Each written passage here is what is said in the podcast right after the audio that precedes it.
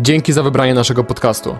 Jeśli lubisz nas słuchać, nie zapomnij odwiedzić strony internetowej atrakcyjnyfacet.pl, gdzie znajdziesz masę dodatkowej, wartościowej wiedzy na temat tego, jak stawać się pełnym, szczęśliwym facetem. A teraz już zapraszam do słuchania.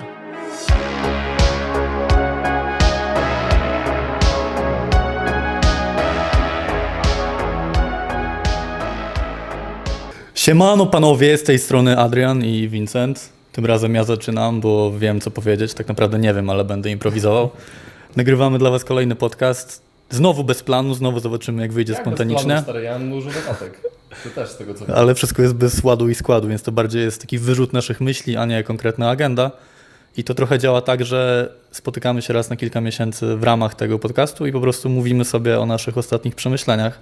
Więc chyba tak najlepiej można opisać temat tego, czyli no, motywem przewodnim było to, że pomyśleliśmy, jakich narzędzi używamy albo jakich mindsetów używamy do tego, żeby żyć jako ci atrakcyjni faceci.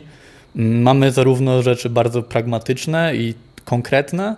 Ja na przykład napisałem, że ostatnio jednym z zakupów, z których jestem najbardziej dumny, jest podmywacz do tyłka, bo zainspirowany moimi przygodami w Azji wreszcie frustracja wzięła górę i to, że tutaj nie ma ani bidetów, ani takich, e, jak to się nazywa, takich główek prysznicowych, które są przy toalecie wszędzie w Azji. Kupiłem taki przenośny podmywacz, powiedzmy, i to jest najlepszy zakup poniżej 100 zł, jaki kupiłem nie tylko w tym roku, ale chyba w ogóle w całym życiu, bo tak świeżo i tak czysto nie czułem się nigdy. Fantastycznie stary. A do tego jeszcze moja dziewczyna kupiła, kupiła stołek pod nogi, żeby sam proces wydalania się był jeszcze zdrowszy, więc tak jak kiedyś miałem obsesję na punkcie higieny jamy ustnej, później miałem obsesję na punkcie dbania o skórę twarzy, teraz mam obsesję na punkcie tego, jak się dobrze i świeżo wydalać. To powiem Ci, że to, to jest śmieszne, ale jednocześnie bardzo fajne i bardzo praktyczne.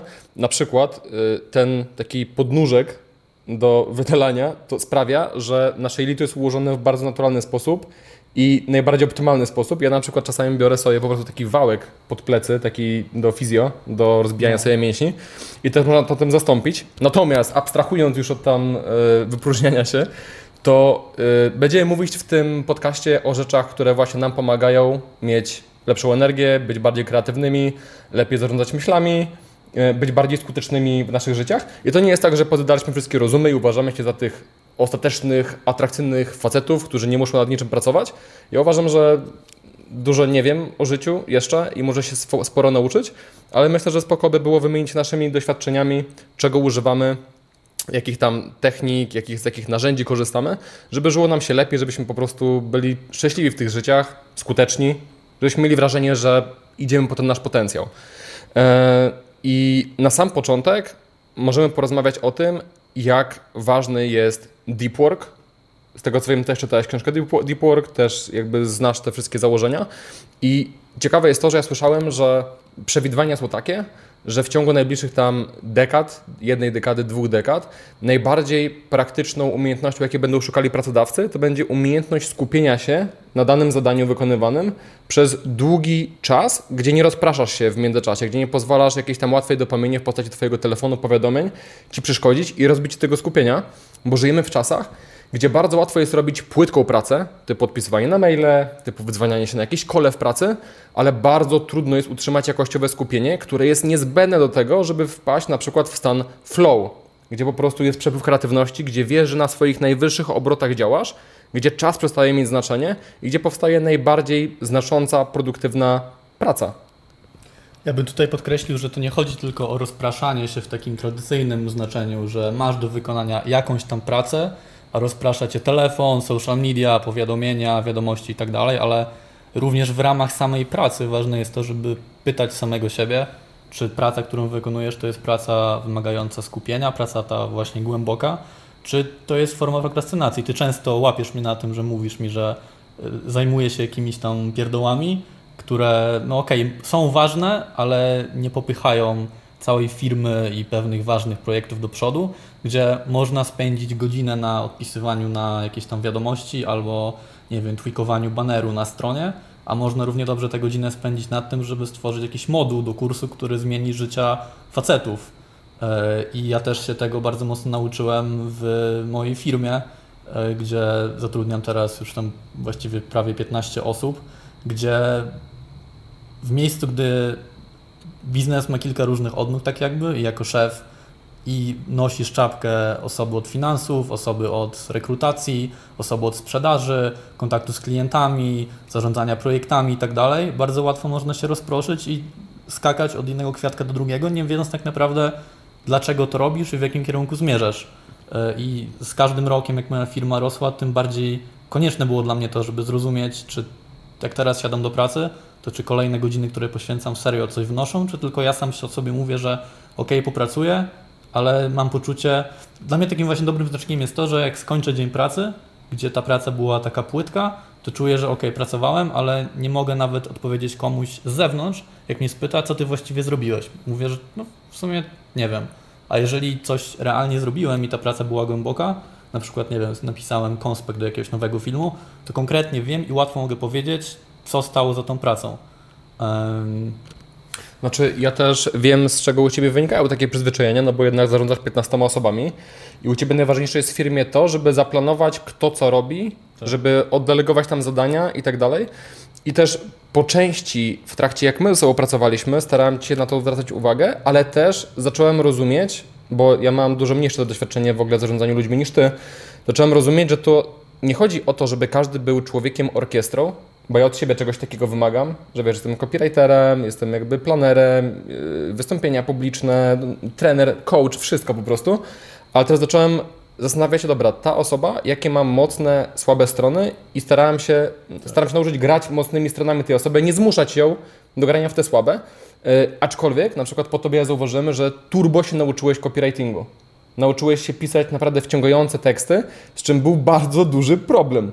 I często mamy takie żarty, że jesteś trochę jak takie AI, nie? Że, jak, że, jak, że jak Adra ma jakiś problem, to podchodzi do tego jak sieć neuronalna po prostu, uczy się od takich totalnych podstaw i powoli zbliża się do, do, tego, do tego człowieczeństwa. I zabawnym przykładem było to, jak e, pisałeś jakiś mail sprzedażowy do nas, i żeby go napisać, wpierw przejrzałeś wszystkie nasze poprzednie maile sprzedażowe i konkretne słowa czy wyrażenia tak. wyciągnąłeś, czyli zrobiłeś dokładnie to, co zrobiłoby AI. Ale super, bo w tym momencie jakby na pewno zdałbyś już test Turinga. tak, nie, stary, jestem pod wrażeniem, jak ogarnąłeś pisanie tekstów, a to tylko pokazuje, że jakby ludzie też są elastyczni z drugiej strony i mogą nauczyć się pewnych rzeczy i to też uczy moim zdaniem w momencie, kiedy jesteś pracodawcą, cierpliwości cierpliwości, kierunkowania, bo to daje później świetne efekty. I jak już jesteśmy przy tych, przy pracy, to często ludzie mają coś takiego, że sobie myślą, że osoby, które pracują i mają w tym efekty i są w stanie być codziennie w tej pracy i robić wartościową robotę, że to osoby mają inny mózg. To sobie się budzą i myślą, ale dziś będę pracował, odjebie wszystkie taski z mojej listy. Gdzie w rzeczywistości wygląda to tak, że sobie wstajesz, robisz kawę, siadasz do laptopa i nie chce ci się odpalać tej skrzynki mailowej. To nie jest naturalne. Tak, nie chce ci się po prostu zaczynać, yy, więc oczekiwanie tego, że będzie ci się chciało codziennie pracować jest kompletnie bez sensu. Kompletnie. Bo nawet rzeczy, które są dla ciebie bardzo ważne i dadzą ci świetny zwrot, gdy o tym pomyślisz, nie chce się do nich siadać. Często, bo jako ludzie nasz mózg chce robić to, co robił do tej pory. Czyli jak zaczynasz dzień od sobie wstania, nie wiem, porozciągania się, kawki, prysznica, to chcesz dalej się relaksować, chcesz wejść w ten tryb, sobie wiadomości, sprawić jakiś, jakiś nie wiem, telegram, messenger, cokolwiek. E, I tutaj bardzo ważne jest zrozumienie, że na początku każdy musi się zmusić. I złotą zasadą jest, nawet jak ci się kompletnie nie chce, to w pewnym momencie mówisz stop, odkładasz telefon, zamykasz komunikatory i przez 3 minuty starasz się zmusić po prostu do pracy i po chwili zaskakujesz. Takie przełamanie stanu, trochę jak w klubie, że wchodzisz, najpierw czujesz się przytłoczony, bo tyle ludzi, jakieś tam różne bodźce, nie masz w ogóle ochoty z nikim rozmawiać, bo przez cały dzień siedziałeś przy kąpie i grałeś w Tibie na przykład. Takie nawiązanie małe. E, ale gdy przełamiesz ten stan i wejdziesz pierwszą, drugą, trzecią interakcję, to później naturalniejsze jest to, żeby wejść w kolejną interakcję, niż wrócić do tej ściany, stać przy niej i sączyć piwo. E, więc totalnie się zgadzam. Oczywiście są dni, kiedy ja wstaję i mam mega ochotę, żeby pracować, ale to są dni, kiedy, które są w mniejszości znacznie. E, I też zauważyłem, że dobrym takim sygnałem, który ci pokazuje, że wykonujesz pracę głęboką, to jest to, że no przynajmniej ja tak po sobie mam, że realnie mogę pracować przez 3, 4, maksymalnie 5 godzin w takim prawdziwym skupieniu. No bo nie wiem, na maile mogę odpisywać przez 8 godzin, przez 10 godzin, na kolach mogę być przez też cały dzień i słuchać jednym uchem, drugim coś tam powiedzieć, e, ale takiej realnej pracy wymagającej skupienia, kreatywności, przemyślenia pewnych rzeczy, jak ktoś mi mówi, że wykonuje, nie wiem, 20, 18 godzin pracy głębokiej dziennie, to wiem, że kłamie po prostu. I ja też jestem fanem tego, żeby nie patrzeć tylko na to, jakie rzeczy zrealizowałeś z listy, które sobie postanowiłeś, ale ile spędziłeś czasu nad tym. Ja w ogóle jak planuję swój dzień, to już od dłuższego czasu mam tak, że planuję ilością czasu i pod ilość czasu dopasowuję najważniejsze rzeczy, a nie, żeby zrobić jak najwięcej rzeczy. Czyli na przykład zamiast sobie planować, że dzisiaj zrobię te 10 punktów z listy, to myślę sobie, muszę przepracować w skupieniu 3 godziny i tyle, ile uda mi się zrobić, to będzie ok. Czasem jest tak, że uda mi się zrobić mniej niż myślałem, czasem jest tak, że zrobię po dwóch godzinach wszystko, co miałem do zrobienia. I to jest moim zdaniem o tyle lepsze i też o tym mówi Cal Newport w Deepwork, żeby skupiać się na samym procesie, a nie na punkcie końcowym w postaci realizacji konkretnych zadań, e, bo też wtedy łatwiej stawiać granice, zauważyłem, że jeżeli sobie postanowię, że dzisiaj pracuję 3 godziny w skupieniu, to po 3 godzinach mogę z większą lekkością oddać się wypoczynkowi albo innym aktywnościom, a jeżeli skupiasz się na tym, żeby jak najwięcej rzeczy odhaczyć z listy, to ona może urosnąć w nieskończoność i nawet po tych 5 godzinach pracy w skupieniu wciąż myślisz sobie, dobra, skoro tyle już zrobiłem, to zrobię jeszcze więcej. I nie masz tej jasnej granicy, że miało być 3, więc jest 3 i do dzisiaj, dzisiaj daję sobie spokój. Ja wierzę w to, że to może być zajebiste, ale też uważam, że różne są charaktery ludzi i dla przykładu u mnie to się nie sprawdza. Ja starałem się to potestować i ja mam coś takiego stary, że dla przykładu nag nagram vlog, jego nie umiem nie złożyć tego samego dnia. Ja mam tak, że to jest rozgrzebane i jak zajmuję się czymś innym, to mam z tyłu głowy takie ukłucie, to jest rozgrzebane, ja nie cierpię rozgrzebanych projektów. Nienawidzę. Jeżeli jest coś, co mogę natychmiast zamknąć, to ja będę siedział 12 godzin dziennie, żeby to skończyć, tak, jak- tak jak z wykładem e, z naszego wykład, e, szkolenia mentoringowego. Siedziałem calutki dzień do samego wieczora, żeby to dostarczyć, bo wiedziałem, że będę czuł się taki rozerwany.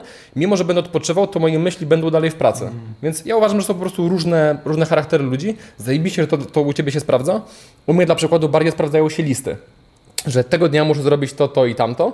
Yy, I najwyżej resztę tasków przerzucę na drugi dzień, jeżeli jeden mi zajmie więcej czasu, ale no ja wolę tak operować. Natomiast yy, nasi słuchacze muszą sami sprawdzić, co u nich Tak. po prostu działa. To jest metoda prób i błędów, znalezienie czegoś, co jest dopasowane do, do waszego charakteru po prostu. Yy, I tutaj bardzo spoko rzeczą dla osób, które są powiedzmy rozgrzebane, które cały czas prokrastynują, mają problem z wyznaczaniem sobie celów do realizacji, zadań konkretnych i później z realizacją ich, jest zrobienie sobie takiej, można, może by się wydawało śmiesznej rzeczy, to jest czapka kierownika i czapka pracownika. Czyli bierzesz czapkę na przykład z daszkiem, albo taką zimową i wiem, że to brzmi głupio, ale w momencie, kiedy trzeba zaplanować robotę, zakładasz ją sobie na głowę i w tym momencie jesteś kierownikiem, to jest czapka kierownika i myślisz tylko z perspektywy kierownika w kontekście tego, co trzeba wykonać. Więc nie myślisz, kurde, to zadanie, nie wpiszę go, bo zajmie dużo czasu i mi się tego nie chce robić, tylko myślisz po prostu jak planer, jak kierownik, co jest do zrobienia. Nie interesuje cię, czy pracownikowi to się będzie podobało, myślisz tylko z perspektywy kierownika, spisujesz to wszystko, następnie zdejmujesz czapkę kierownika, nakładasz drugą czapkę, to jest czapka pracownika i no kurde, pracownika nie obchodzi, że takie to zostało wyznaczone, po prostu szef kazał, więc może to zrobić. I wtedy po prostu jesteś poza tą swoją osobowością, której się nie chce, która narzeka, która po prostu odwleka rzeczy, bo wiesz, że musisz natychmiast to wykonać i nie ma odwołania. No przecież nie powiesz szefowi, szefie, nie chce mi się dzisiaj tego robić, tak? Więc rozdzielenie tych dwóch osobowości, kierowniczej i pracowniczej, daje naprawdę zajebiste efekty w przypadku, kiedy właśnie jesteś leniwy, masz tendencję do prokrastynacji, odkładania rzeczy na później. I też wtedy angażujesz inne części mózgu, bo inne, inne skille, inne skupienie potrzebujesz do tego, żeby coś zaplanować i przemyśleć, a inne, żeby coś wykonać. To podobnie chyba ja w tym doświadczenia nie mam, ale ty masz duże doświadczenie, jeżeli chodzi o pisanie jakichś dłuższych tekstów, że słyszałem takie rady przynajmniej, nie wiem jak to się sprawdza, żeby najpierw napisać, wyrzucić z głowy to, co masz i to jest jakby pierwszy rzut twojej pracy i później jako osobny totalnie etap przeformatować, to zredagować i nanosić poprawki, żeby nie łączyć tych dwóch rzeczy, bo wtedy mózg się gubi, bo działa w dwóch różnych trybach. To chyba jest podobnie, co? Z, tym, z tymi Yy, czapkami. Tak, jeżeli chodzi o- pisanie, to ja to wziąłem od Nila Straussa, który właśnie mówił, jaki u niego system wygląda. On dzieli pisanie na kilka szkiców. Pierwszy szkic jest dla ciebie. Po prostu wylewasz wszystko, nie patrzysz na składnie, nie patrzysz na ortografię, nie patrzysz na punchliny, nie patrzysz na takie rzeczy, po prostu spisujesz wszystko, co musi być, zostać spisane. Następnie robisz pierwszą korektę, czyli czytasz to i zastanawiasz się, co można stąd usunąć, co nie, co nie popycha narracji do przodu. Czyli mimo, że napisać jakiś zajebisty fragment tekstu, to jeżeli on nie popycha narracji, a po prostu jest fajny, to przykro mi, trzeba go wyciąć, wyrzucić do kosza. I później jest trzeci szkic i trzeci szkic to jest szkic czytany oczami krytyka. Czyli przypieprzasz się do absolutnie wszystkiego i dzięki temu na bieżąco dopisujesz korekty, dopisujesz kontry, tak? Czyli jeżeli jest jakiś tekst, do którego może się przyczepić, że na przykład jest to puste, to co powiedziałeś, to wtedy piszesz, tak, wiem, że to może wydawać się puste, ale i dajesz po prostu kontrę do tego, więc osoba, która chciałaby do tego się przyczepić, nie może, bo od razu odbierasz tej osobie argumenty, bo sam sobie zarzuty stawiasz. Yy, I to jest jakby trzeci szkic, więc zgadzam się, że pisząc w trzech osobowościach, osobowościach naraz, nie da się pisać, bo perfekcyjnie ci przeszkadza. No właśnie, bo dajesz sobie przyzwolenie, że lepsze będzie napisanie czegoś nawet w słaby sposób, bo wiesz, że i tak to później poprawisz, niż nie napisanie w ogóle, przez to, że czujesz tak dużą presję. I ja tak mam często no, z każdym rodzajem pracy, nie tylko z pisaniem, ale szczególnie to widzę na przykład, gdy przygotowuję konspekt moich filmów na kanał, gdzie myślę sobie, nie, no jak teraz usiądę, zacznę pisać, to to będzie najgorszy konspekt na świecie, ale wiem, że nawet jak to będzie słabe, to obudzę się kolejnego dnia, spojrzę na to świeżą parą oczu i będę w stanie zauważyć te słabości, ale przynajmniej będę miał jakąś podstawę, na której mogę pracować, a nie dalej będę w tej pustce. I znowu przynajmniej swój stan, wyrzucę z siebie coś słabego, ale będę mógł to poprawić, zamiast czekać, aż magicznie znajdzie mi inspiracja i w ciągu, nie wiem, dwóch godzin napiszę najlepszy tekst na świecie, bo to jest zawsze nierealistyczne. Jasne. Eee, dobra, to jeżeli chodzi o produktywność i rzeczy związane z pracą, to, to chyba na tyle. Eee, to teraz powiedz mi, co ty osobiście robisz, żeby dobrze się czuć psychicznie? Żeby dobrze się czuć emocjonalnie? To duży temat, więc nie wyczerpię go na pewno. Z takich rzeczy, które mi pierwsze przychodzą do głowy, to to, że jak się pojawia jakaś emocja we mnie, albo pozytywna, albo negatywna, to nauczyłem się, żeby z tym się nie utożsamiać. Czyli jeżeli na przykład miałem, nie wiem, jakąś super randkę, albo spotkałem się z jakimś znajomym i dobrze się poczułem potem, to staram się nie wchodzić w to i nie uzależniać, że tak się muszę czuć przez resztę dnia, albo że w ogóle to będzie mój docelowy stan, tylko to jest dla mnie sygnał, że poczułem się w dany sposób, w tym przypadku dobrze i że warto, żebym tą czynność, czyli na przykład spotkanie z tym znajomym, powtarzał. Tak samo, jeżeli dzieje się coś dla mnie trudnego, na przykład, nie wiem, miałem jakiś kryzys w firmie, to zamiast wchodzić w to i myśleć sobie, dopowiadać historię, że o, to w takim razie za chwilę wszystko się zawali, jestem złym szefem, nie radzę sobie w życiu i tak dalej, to też dostaję sygnał, że poczułem się w taki sposób, więc za tym stoi jakaś konkretna sytuacja i mogę pomyśleć, dobra, to co mogę zrobić, żeby rzadziej te sytuacje miały miejsce, albo po prostu nauczyć się czegoś z tej konkretnej sytuacji. Czyli takie traktowanie emocji jako sygnały, które dostajemy, które mają być naszymi kierunkowskazami, po których podejmujemy konkretne działania, a nie jakby sam punkt końcowy. I to, że jakoś się poczujesz, wcale nie znaczy, że taki teraz jesteś. E, I to, co mówiliśmy dużo na wyjeździe mentoringowym w weekend, żeby od, od, oderwać trochę swoje ego od tego wszystkiego i gdy pojawia się jakaś emocja, nie, w, nie wchłaniać tego do siebie, nie wchodzić w to tak bardzo jak się da, tylko stanąć z boku i realnie spojrzeć, czy to jest emocja, która mówi coś o mnie, czy to jest emocja, która mówi coś o tej konkretnej sytuacji, która się wydarzyła. To jest jedna rzecz. Druga rzecz, o tym mówiłem chyba na poprzednim podcaście, którą dalej stosuję, czyli taka forma minimalistyczna dziennika, bo ja bardzo nie lubię się rozpisywać i jakoś dla mnie taka forma, że siadam i wylewam wszystkie myśli nie działa, bo ja nie wiem o czym pisać, ale to co u mnie się sprawdza, to to, że siadam rano, w środku dnia i wieczorem i piszę parę dosłownie przymiotników, jak się danego dnia czuję. I wtedy to jest też taki fajny mechanizm, że mogę spojrzeć z boku i jeżeli czuję się na przykład z rana przytłoczony, zestresowany, to mogę sobie spojrzeć z boku, pomyśleć, że ok, to jest tylko emocja, to nie jest coś, co definiuje mnie jako osobę i samo wypisanie tego, wyrzucanie, wyrzucenie tego z siebie daje mi takie, takie przyzwolenie, żeby w taki sposób się czuć i jakby skala, impact tego na mnie jest mniejszy, a druga rzecz, jaka jest fajna, to to, że gdy sobie patrzę, że dzisiaj czułem się na przykład przytłoczony, stresowany i tak dalej i spojrzę na wpisy z wczoraj, sprzed tygodnia, sprzed miesiąca, to widzę, że najczęściej po tym dniu, kiedy czułem się w taki sposób i te emocje były trudne, następuje dzień, kiedy czułem się super. I że czasem po prostu wystarczy to przeczekać i daje mi to taką nadzieję, że dobra, to nie jest permanentny stan, tylko prawdopodobnie za chwilę minie, więc znowu też nie przywiązuję do tego tak dużej wagi. I jeszcze jedna rzecz, którą robię w tym dzienniczku, to to, że pod koniec dnia sobie spisuję takie triggery zmiany mojego stanu. często na przykład jest tak, że nie chce mi się iść na trening e, i dźwigać ciężarów, ale pójdę, tak jakby zmuszę się, mimo że w ogóle nie mam ochoty. I zauważam, że jak wrócę do domu, to z jakiegoś powodu czuję się lepiej, lżej, mam więcej energii, nagle ta, to przygnębienie czy jakieś przytłoczenie minęło, więc, więc zapisuję sobie, że przed treningiem czułem się na przykład przytłoczony, po treningu czuję się pobudzony i, i świeży i jakiś taki radosny i to mi pozwala, pozwoliło w ogóle zdać sobie sprawę, że mimo, że zaczynałem trenować po to, żeby poprawić swoją sylwetkę, żeby poczuć się lepiej w swoim ciele, to teraz dla mnie głównym motywatorem jest to, że to jest niezawodny mechanizm, za pomocą którego zawsze czuję się lepiej, więc zauważam też na przestrzeni czasu przez to takie wzorce dla mnie specyficzne, gdzie mogę polegać na pewnych aktywnościach, pewnych zachowaniach, gdzie wiem, że one wprowadzą mnie w konkretny, korzystny stan. Mhm. Tutaj w ogóle dużo fajnych rzeczy się pojawiło, no bo skracając to, co powiedziałeś do tego, co konkretnie robisz, to jest pierwsze, nazywasz emocje. To jest naprawdę niesamowite. Ludzie zapominają, jak ważne to jest, żeby powiedzieć sobie, o, teraz jestem zestresowany, teraz czuję lęk. Dlatego, że co to robi? To nazywa przeciwnika. Mhm. Czyli to już jest coś stałego, co określiłeś. To nie jest jakaś nieznana siła, która wokół ciebie jest i odbiera ci energię. Wiesz dokładnie, z czym się mierzysz. To jest pierwsza rzecz. Druga rzecz, co za tym idzie, dokonujesz dysocjacji.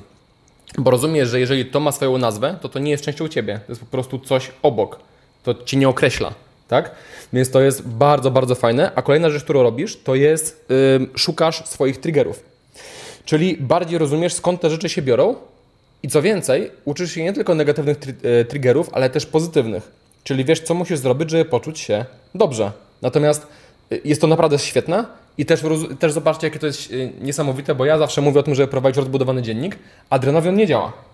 Adrian ma po prostu taki, gdzie wpisuje kilka haseł, to jest zajebiste. Ja każdego dnia w programie o nazwie Obsidian piszę wszystko. Ja robię rozbudowane wpisy, czasami za długie. Taki brain dump.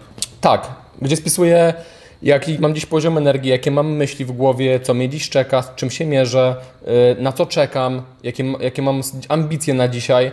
I w trakcie dnia też uzupełniam, jak, jak, jak mam chwilę, to nie wiem, wróciłem z miasta, takie moje wnioski i tak dalej. Albo jak kończę dzień, kończę dzień, jestem z niego zadowolony, albo nie jestem zadowolony, jutro czeka mnie to i tamto. Po prostu brain żeby tego nie mieć w głowie, bo to mi zwalnia pamięć podręczną. To też sprawia, że bardziej się dysocjuję i mogę bardziej analizować też, tak samo jak ty, jak się czuję i tak dalej. E, chcesz coś? Tak. Co byś powiedział osobom, które teraz słuchają Ciebie, mówią nie Vincent, bo dla mnie to zbyt dużo czasu zajmuje i po co mam marnować czas na pisanie, skoro mam inne rzeczy do zrobienia? E, no to musimy odpowiedzieć sobie na, na, pytanie, co daje, czym jest właśnie w zasadzie spisywanie tego, co masz w głowie. No jest to uczenie się siebie. Jest to wychodzenie z ignorancji.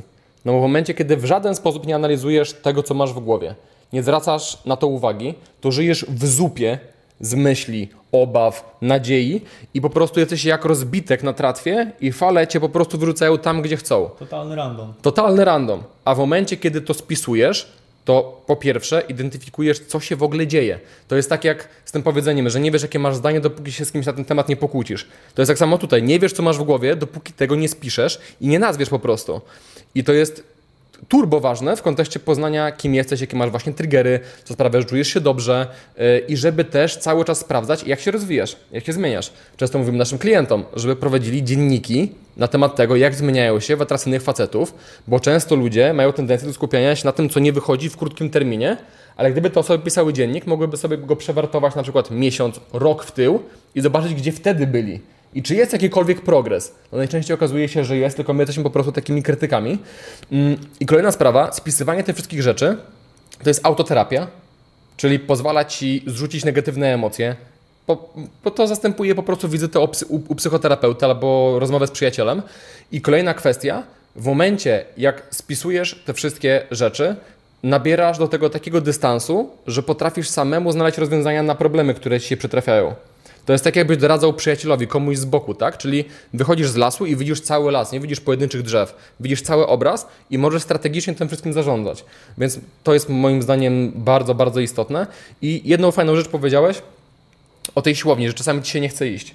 Ja mam takie wrażenie, że ludzie mają życzeniowe myślenie, że jak mam, nie wiem, siłownię, pracę, nie wiem, poznawanie dziewczyn, że to jest tak, że muszę dojść do momentu, kiedy mi się chce to robić. Gdy... To, jest, to jest coś dziwnego, że mi się nie chce. Nie? Tak, a podstawą, defaultem ludzi jest, że się nie chce.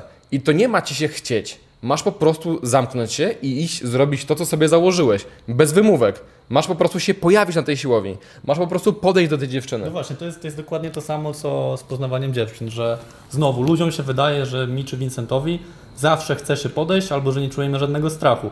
I okej, może generalnie mamy mniejszy ten strach już po tylu latach robienia tego, ale zawsze to jest kwestia tego, co zrobisz pomimo strachu, jakie masz narzędzie, żeby coś zrobić pomimo strachu. I tak samo, jeżeli chodzi na przykład o trening na siłowni, jakie masz narzędzia, które pomimo tego, że się nie chce, wypchną cię tam i jaki widzisz, jaką widzisz w tym wartość, co jest dla ciebie motywujące w tej czynności, nie? Czyli zawsze takie, no dla mnie jakby każdy dzień to jest walka z samym sobą ja już dawno temu sobie zdałem sprawę, że to nie jest tak, że świat jest zły albo że jakiś, nie wiem, jakaś osoba w moim życiu jest zła i coś mi robi, tylko największym przeciwnikiem jestem ja sam, więc im bardziej sobie, im mniej sobie przeszkadzam, tym wszystko staje się łatwiejsze, a im bardziej siebie rozumiesz, tym częściej wiesz, w jaki sposób sobie przeszkadzasz i możesz sobie tą drogę po prostu ułatwiać, nie? I z tego przeciwnika zamieniać się albo w neutralny jakiś byt, albo wręcz w przyjaciela, który będzie wykonywał to, co sprawi cię w taki stan, w jaki chcesz, żeby, w jaki chcesz, żebyś, żebyś był.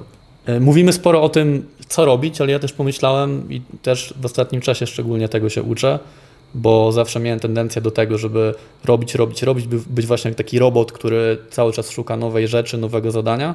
A ostatnio zdałem sobie sprawę i biznesowo, i prywatnie, że dużą wartość, duża wartość jest w nierobieniu rzeczy i w celowym rezygnowaniu z pewnych rzeczy.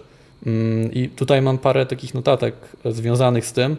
Pierwsza rzecz to jest jakby w najprostszym wymiarze sama sztuka odmawiania i rezygnacji. Nie wiem jak ty, ale ja już mam taką sytuację w życiu od paru lat, że mam więcej fajnych możliwości, więcej fajnych ludzi, jakich mogę poznać na przykład, niż czasu. I może to nie jest coś, z czym każdy słuchacz się utożsami, bo ja nie, jeszcze nie wiem, 5 lat temu miałem tak, że dokładnie odwrotnie, że starałem się poznać każdą osobę, starałem się wykorzystać każdą możliwość biznesową, każdy projekt, bo nie miałem tego, więc wychodziłem z pozycji braku i chciałem w jak najwięcej rzeczy się zaangażować, ale na, pewne, na pewnym etapie następuje zmiana i jeżeli będziesz dalej w takim trybie, że ktoś się nowy pojawia w Twoim życiu albo jakaś nowa możliwość się pojawia i Ty znowu to bierzesz, bierzesz, bierzesz, to bardzo łatwo w tym się zatracić i rozproszyć maksymalnie. Więc ja zacząłem zauważać, że bardzo ważne jest skupienie nie tylko w kontekście tej pracy głębokiej, ale też skupienie tak globalnie, kto i co jest dla Ciebie ważne i żeby mieć taki w pewnym sensie kręgosłup wartości i zrozumieć, czy na, dana nowa możliwość, która się pojawiła, serio jest dla Ciebie teraz dobra i zaprowadzić w miejsce, w jakie chcesz, albo czy serio masz teraz przestrzeń, żeby na przykład z kimś się spotkać. I ja miałem z tym straszny problem, żeby odmawiać i żeby oprzeć się pokusie tego, no bo wiesz, jak pojawia się nowa możliwość, to nie wiesz, gdzie ona cię zaprowadzi, albo jak pojawia się nowa osoba w twoim życiu, to nie wiesz, jaka relacja może z tego wyjść. Więc u mnie zawsze pojawiało się takie FOMO, że no kurde, głupio odmówić, głupio z tego zrezygnować, skoro to może być ta możliwość, skoro to może być ta osoba. Ale zauważyłem, że finalnie to sprawia tylko to, że ja czuję się sfrustrowany i zamiast wykorzystać to, co jest dla mnie ważne, to idę w tym kierunku, w tym kierunku, w tym kierunku, w tym kierunku i z tych wielu rzeczy nie wychodzi nic. A jak zacząłem skupiać się na jednej czy dwóch rzeczach, to zobaczyłem, jak bardzo można posuwać do przodu pewne rzeczy albo pewne znajomości. E, więc taka, taka świadomość właśnie, że jak to do Ciebie przyjdzie, to nie znaczy, że musisz jakoś na to zareagować, coś z tym zrobić, tylko to jest ok, żeby odmówić. To jest jedna rzecz. Druga rzecz, e, którą sobie zapisałem w tym kontekście, to to, żeby mm, nie żyć w iluzji, że jeżeli pojawia się jakaś nowa możliwość, czy zaproszenie od kogoś, żeby się spotkać, w tym momencie i teraz czuję się przytłoczony, zapracowany, masz dużo na głowie, to że magicznie za tydzień, albo za miesiąc, albo nawet za rok nie będziesz, bo wszyscy żyjemy w takiej iluzji, że pewnego dnia obudzimy się i nie będzie trzeba nic robić. Że okej, trzeba zrobić kupę, trzeba zjeść i trzeba umyć zęby, ale już żadnych rzeczy związanych Problemów z taką... nie będzie. Problemów tak, nagle magicznie znikną, ale to jest straszna iluzja. Ja też wielokrotnie padam tego ofiarą, ale już mówiłem Tobie prywatnie, ale podzielę się też ze słuchaczami, że jedną z takich e, rzeczy, która mi bardzo tu uświadomiła, była taka metafora w aplikacji Waking Up, w jednym z wykładów, gdzie mm, usłyszałem to właśnie, że my jako ludzie żyjemy w, jako skończone istoty w nieskończonym świecie. Czyli jeżeli mamy dzisiaj do zrobienia 20 rzeczy powiedzmy, to myślimy, że za tydzień będzie taki magiczny moment, że nagle tych rzeczy będzie zero. A prawda jest taka, że liczba rzeczy do zrobienia zawsze będzie szła w nieskończoność. Więc jak nawet ja zrobię dzisiaj 20 rzeczy, to za tydzień nie będzie ich dwie czy trzy, tylko będzie prawdopodobnie jeszcze więcej niż dzisiaj. Więc ja mam teraz taką zasadę, że jak ktoś mi coś proponuje, to jeżeli nie jestem dzisiaj w stanie tego zrobić, albo w perspektywie bardzo krótkiego czasu, to nie oszukuję siebie, że nagle magicznie będę miał to przestrzeń za miesiąc na przykład, nie? Tylko od razu odmawiam i uznaję, że po prostu nie jestem w momencie mojego życia, że mogę sobie na to pozwolić. I staram się bardzo jasno stawiać granice właśnie, gdzie realnie mogę swój czas zaangażować. Nawet jak e, mówiłeś o tym, żebyśmy nagrali ten podcast, to już było z dwa tygodnie temu, też nie chciałem powiedzieć Ci, no spoko, przyjmuję pierwszy możliwy termin, bo wiedziałem, że będę później tego żałował i albo zawiodę Ciebie, bo się nie pojawię i będę musiał przełożyć, albo sam będę czuł frustrację, że kurde, mam tyle spraw na głowie, a tu jeszcze ten podcast do nagrania. A dzisiaj było tak, że przyjechałem na luzie, okej, chwilę się spóźniłem, ale, ale generalnie miałem na to przestrzeń. E, I też zauważyłem, że jeżeli masz przestrzeń na to, żeby coś realnie zrobić, albo żeby z kimś się spotkać, nawet tak prywatnie, to jakość tego jest znacznie wyższa. Ja na przykład pamiętam, jak sobie myślę nawet o randkowaniu z dziewczynami, zawsze gdy miałem takie tygodnie czy dni, gdzie miałem, nie wiem, dwie, trzy, cztery randki pod rząd, to jakość tych randek była 100 razy gorsza niż jak miałem na przykład jedną randkę w tygodniu z dziewczyną, z którą serio chciałem się spotkać, byłem mega obecny, mega podekscytowany, mega świeży i serio czułem, że chcę, a nie, a nie było to na zasadzie zrobić jak najwięcej, bo jest tyle dziewczyn, które mogę poznać. Ale ty byłeś w bojowym szale przez jakiś czas. Przecież, przez wasze szkolenie. przecież jak, ty, jak, ty, jak ty po szkoleniu e, zacząłeś nam pomagać, to ty byłeś w takim szale bojowym, że ja tego w ogóle nie rozumiałem. Cztery. Ra- ile ty miałeś randek dziennie? Rekord? to był chyba rekord. Cztery randki dziennie. Ja, mój rekord to jest chyba trzy randki dziennie i zrobiłem sobie to tylko raz w życiu i żałowałem tego później. Bo po pierwsze, byłem już wycieńczony tym. Po drugie, tematy się powtarzały na tych spotkaniach. Trzy razy tego samego dnia musiałem same mówić historie. te same historie, na te same pytania odpowiadać, takie początkowe, które zawsze padają, gdy poznajesz drugą osobę. Więc jest to kompletnie bez sensu i o wiele lepiej jest robić to powolutku, spokojnie. I tak jak ty mówisz, dobierać sobie odpowiednich ludzi do rzeczy, które będziesz robił, bo to jest to, co, to, co mówiłeś, jeżeli masz możliwość, nie oznacza, że zawsze powinieneś to, to robić. W późniejszym etapie rozwoju, w każdej sferze życia, lepiej jest stawiać na jakość niż na ilość. No ale tego każdy musi się, myślę, na swoich własnych przykładach nauczyć. No bo w tym pierwszym, początkowym stadium rozwoju, na przykład w atrakcyjnego faceta, no musisz sobie dostarczyć po prostu masę punktów referencyjnych, żeby się nauczyć. Ale jak już umiesz, trzeba zrozumieć, że jesteś już w innym trochę, jak to powiedzieć, w innym mindsetie, zmieniły się Twoje umiejętności, powinny zmienić się też Twoje oczekiwania i wymagania odnośnie samego siebie. Więc to jest.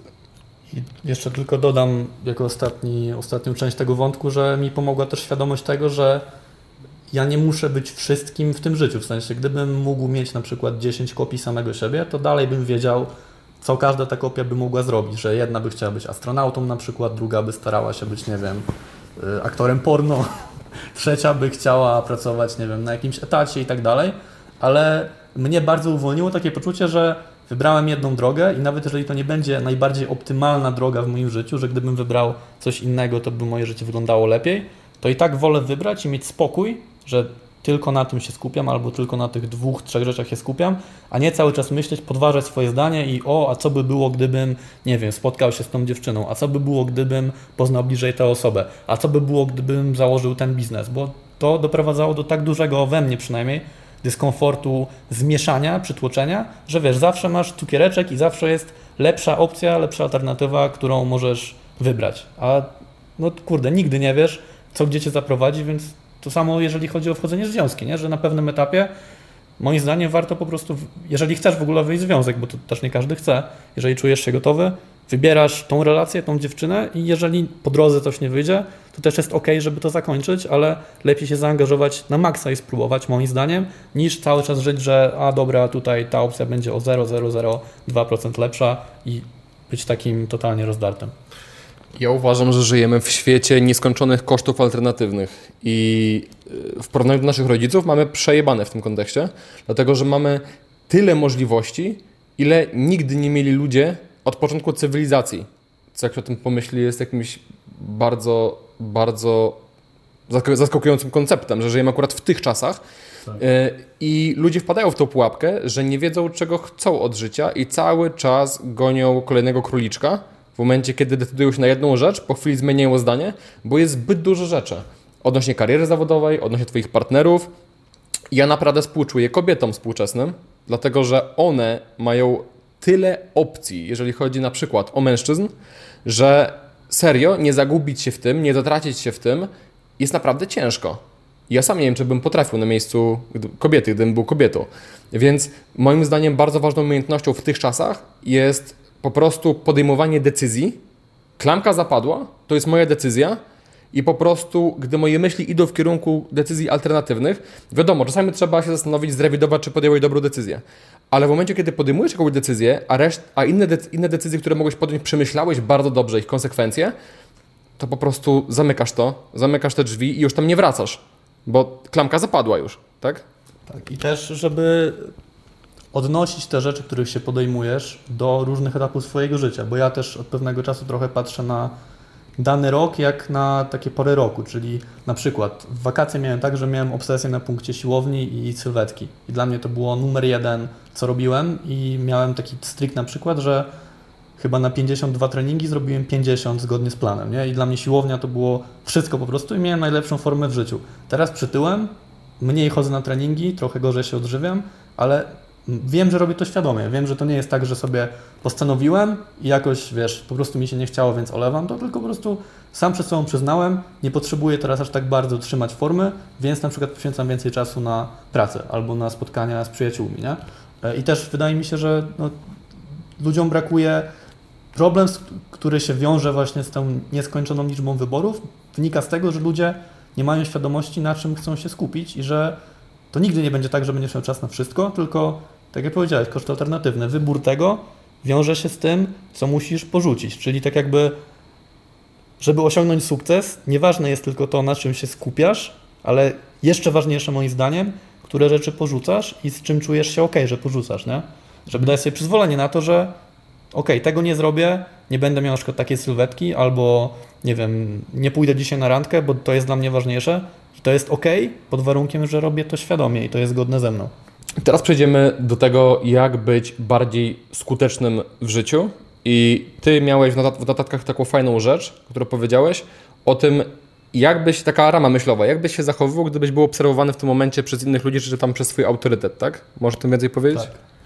No bo często jest tak, że jeżeli siedzimy sobie sami w domu, to łatwo wchodzimy w taką najbardziej komfortową, najłatwiejszą wersję siebie. No bo wiemy, że nikt nie obserwuje, wiemy, że tylko my zauważamy pewne zachowania i nie mamy jakby ani autorytetu, ani osoby, która może jakoś to ocenić, jakoś na to spojrzeć z boku. Biegamy w damskiej bieliźnie po mieszkaniu. No, żeby tylko to. Znacznie gorsze rzeczy mi się przydarzały. I ja zauważyłem, że jest duży rozdźwięk, był duży rozdźwięk u mnie, jeżeli chodzi o to, jaki byłem sam, gdy siedziałem, nie wiem, przed laptopem zamknięty w moim mieszkaniu, a jaki jestem, gdy na przykład spędzam czas z jakimś autorytetem. Ale konkretnie o czym mówisz? No, na przykład, czy chce mi się pracować, czy nie. Czy uciekam w prokrastynację, czy będę wykonywał jakieś zadanie.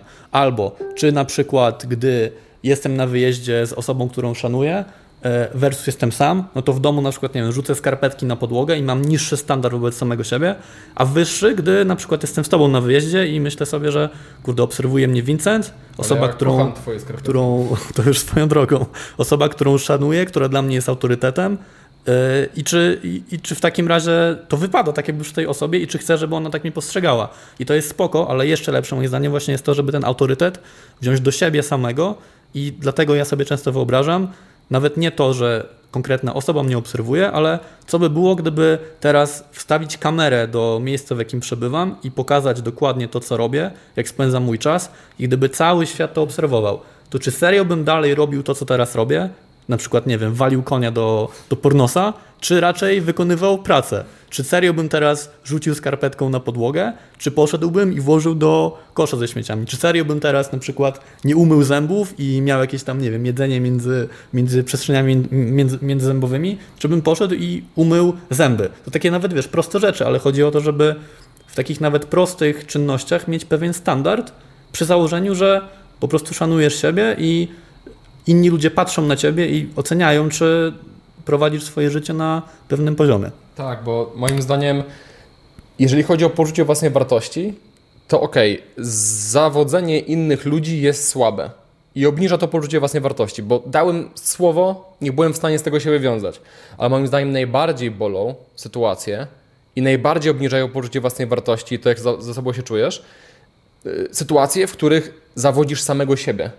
Gdzie mówisz, mam taki standard wobec życia, mam taki standard wobec siebie, e, a później to się okazuje, no, że nie jesteś w stanie do tego doskoczyć, tak? Więc takie przyznanie sobie takiego autorytetu, że okej, okay, czy i zadawanie sobie pytania, czy ja w tym momencie żyję tak, jak ustaliłem sobie, że moje życie powinno wyglądać? Czy wymagam od siebie rzeczy, których wymagam od innych i które kiedyś założyłem, że będę wymagał od siebie?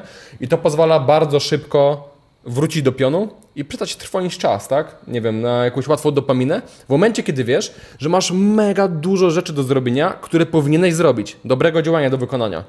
I oczywiście nie ma absolutnie nic złego i konieczne jest odpoczywanie. Poddawanie się czasami tej łatwej dopaminie, tak? Odpalenie sobie PSA piątki, pogranie sobie w coś, albo w Tibie właśnie, ale w momencie, kiedy masz czyste sumienie, że masz zdrowy balans z tym wszystkim, że to nie jest tak, że siedzisz u mamy w piwnicy, nie zarabiasz pieniędzy i masz dwadzieścia kilka lat, a jesteś ofermą życiową, która nie potrafi wziąć za swoje życie odpowiedzialności i na przykład zarobić pieniędzy. No to wtedy, w momencie, kiedy grasz, w jakieś tam gry na kompie, to jest forma ucieczki od rzeczywistości.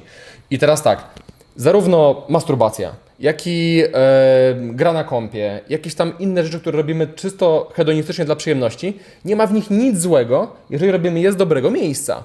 Czyli to nie jest miejsce niedostatku i ucieczka, żeby lepiej się poczuć przez chwilę, ale jest to na przykład forma, nie wiem, nagrodzenia siebie, zrelaksowania się po prostu, dania sobie odskoczni. I ludzie tego nie rozumieją. I ogółem mam wrażenie, że ludzie oceniają, że nie wiem, to jest dobre, tak, to nie jest dobre. Tak, a tu chodzi o kontekst. Granie na kompie może być zajebiste, fajnie cię zrelaksować, dać ci nagrodę za na przykład trud tego, że dziś wykonałeś bardzo ciężki task do wykonania, tak? Czasami nawet masturbacja jest spoko, kiedy po prostu masz na to ochotę i wiesz, że to nie jest tak, że to jest ucieczka od tego, że powinieneś wyjść z domu, poznawać dziewczyny, przekraczać swoje granice, stawać się najlepszą wersją siebie, tylko po prostu, okej, okay, jestem z siebie zadowolony, mam w tym momencie ochotę, mogę to zrobić, ok? I wtedy nie ma z tym nic złego. I moim zdaniem w życiu chodzi o to, żeby wykorzystywać wszystkie narzędzia, które mamy w życiu, nie jako ucieczkę od tego życia, tylko jako coś, co zamplifikuje Twoje doświadczenie. Tak, znowu samoświadomość i takim jeszcze powiązanym konceptem, którego się nauczyłem, gdy zacząłem nagrywać filmy na YouTubie, to to, żeby zachować taką spójność między tym, kim mówisz, że jesteś, a tym, kim realnie jesteś. Takim najlepszym przykładem jest to, że no, jestem osobą, którą uważa się za osobę, która poznaje dziewczyny na co dzień w każdej, w każdej sytuacji. I wiem, że są niestety yy, i w Polsce, i na świecie coachowie, trenerzy, eksperci od relacji z kobietami, którzy mówią, jak poznawać kobiety w spontanicznych sytuacjach, a nie robią tego od lat albo robią to bardzo rzadko. Ja mam tak, że jakby dowolna osoba z Was oglądających mnie zobaczyła gdzieś w Warszawie, czy nie wiem, w dowolnym miejscu na świecie i byłaby obok dziewczyna, która zwróciła moją uwagę, mi się spodobała, to ja bym do niej podszedł w, praktycznie w każdej sytuacji, bo to jest część mnie, bo czułbym się bardzo źle z tym, że tworzę jakiś taki obraz siebie, taką, jakąś kopię siebie, która nie jest spójna z tym, co ja robię na co dzień.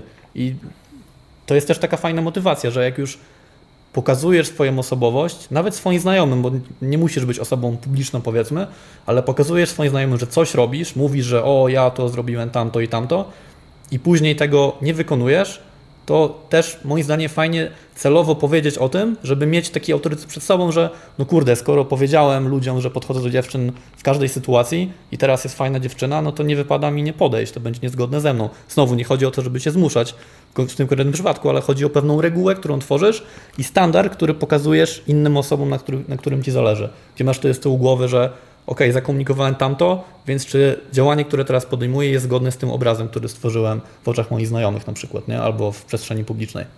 Czyli w gruncie rzeczy chodzi o autentyczność i pozbawienie się takiego, jak to powiedzieć, żeby doścignąć swoją wizję, musisz cały czas mieć narzędzia, żeby sprawdzać, czy w tym momencie to wykonujesz. Dlatego często mówimy, żebyście zadawali sobie pytania. Czy to, co w tej chwili robię, przybliża mnie do mojego celu, jakim jest X, Y, Z?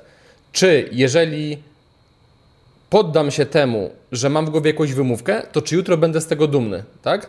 Czy robię rzeczy, które wiem, że powinienem wykonać? To są fajne kierunkowskazy, które pozwalają Ci właśnie trzymać się tej wizji i być spójnym z tym, kim uważasz, że jesteś, czy chciałbyś, żeby ludzie Cię postrzegali, że jesteś. I pamiętam, że tam dalej na liście miałeś jeszcze kolejne rzeczy odnośnie tego, o czym rozmawiamy, więc może teraz przejdziemy do nich.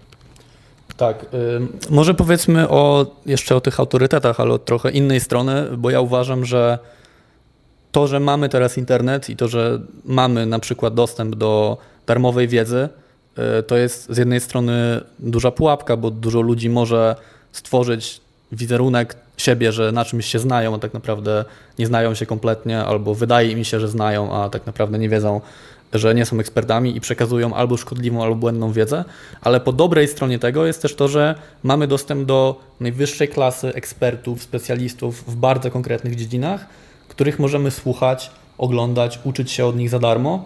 I to jest dla mnie niesamowite i niszczy mój mózg za każdym razem, gdy myślę sobie, jak bardzo pewne przekonania na przykład z podcastu, który słucham, nie wiem, Tima Ferisa, którego słucham już od 6 lat, od 7 lat, kiedy on stworzył podcast, wpłynęły na to, jakim jestem człowiekiem i że mimo, że go nigdy osobiście nie poznałem, to przez to, że regularnie wchodzę w mój telefon, w aplikację do podcastów i odtwarzam nowy odcinek z nim, to jak bardzo ja czuję, że go znam i jak bardzo jego sposób myślenia przeszedł na mnie i że to jest tak, tak magiczne, że nie płacąc nic, możesz w każdej chwili tak jakby wręcz namacalnie dotknąć osoba, osoby, która jest w tym miejscu, w jakim chcesz być, albo ma takie przekonania, jakie chcesz ty w sobie wytworzyć i że to nie jest tak, że nawet jeżeli, nie wiem, żyjesz na wsi, ok, jeżeli żyjesz na wsi, to i zależy ci na tym, żeby realnie się rozwinąć, to warto, żebyś się przeniósł do dużego miasta. Też nawiązuje do tego, co mówił Scott Galloway w tym filmie, który ostatnio mówiliśmy. Natomiast y, nawet jeżeli żyjesz na wsi albo, nie wiem, mieszkasz w, w, w Afryce, w jakimś mega biednym kraju, zawsze masz internet i zawsze możesz świadomie znaleźć osobę, czy jakąś organizację, czy, czy grupę, która da ci dokładnie to, czego potrzebujesz. Wystarczy poszukać tego i znaleźć. Ja mam tak, że już od wielu lat słucham jakiegoś tam stałego zestawu podcastów i to jest dla mnie takie taka wręcz sesja coachingowa z osobą, którą, której nie mam obok siebie, za którą spotkanie, z którą musiałbym albo zapłacić mega dużo pieniędzy, albo nie wiem, polecieć do Stanów i starać się jakoś zdobyć jej uwagę, a tutaj wchodzę w aplikację do podcastów, słucham przez godzinę czy dwóch tego, co mówi i czuję, że staję się innym człowiekiem i że połączenia w mózgu mi się na zawsze zmieniają. Mhm. E, I nie rozumiem, jak to jest, że ludzie, nie wiem, nie słuchają podcastów i nie szukają dla siebie konkretnych osób, które kierują je w, to, w tą stronę, w jaką oni chcą zmierzać.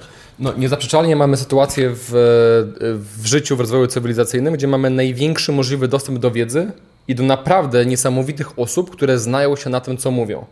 Mamy dostęp za darmo z kieszeni, z telefonu, tylko tu jest jedna bardzo duża pułapka, w którą moim zdaniem wpadają ludzie, bo jeżeli jesteś osobą, która potrafi się pilnować i gdy słucha takiego podcastu, słucha jakiejś tam treści, dla przykładu, nie wiem, z relacji z kobietami, to możesz na tyle się kontrolować, że wiesz, że ok, wiedza to jest jedna, a praktyka to jest drugie.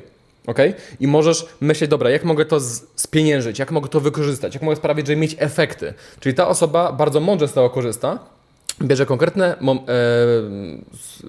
porady, robi z tego notatki, a następnie stara się to w życiu po prostu stosować, żeby zwiększać jakość tego życia. Ale są osoby, które, które wykorzystują tą wiedzę z YouTube'a na przykład, albo z podcastów do prokrastynowania.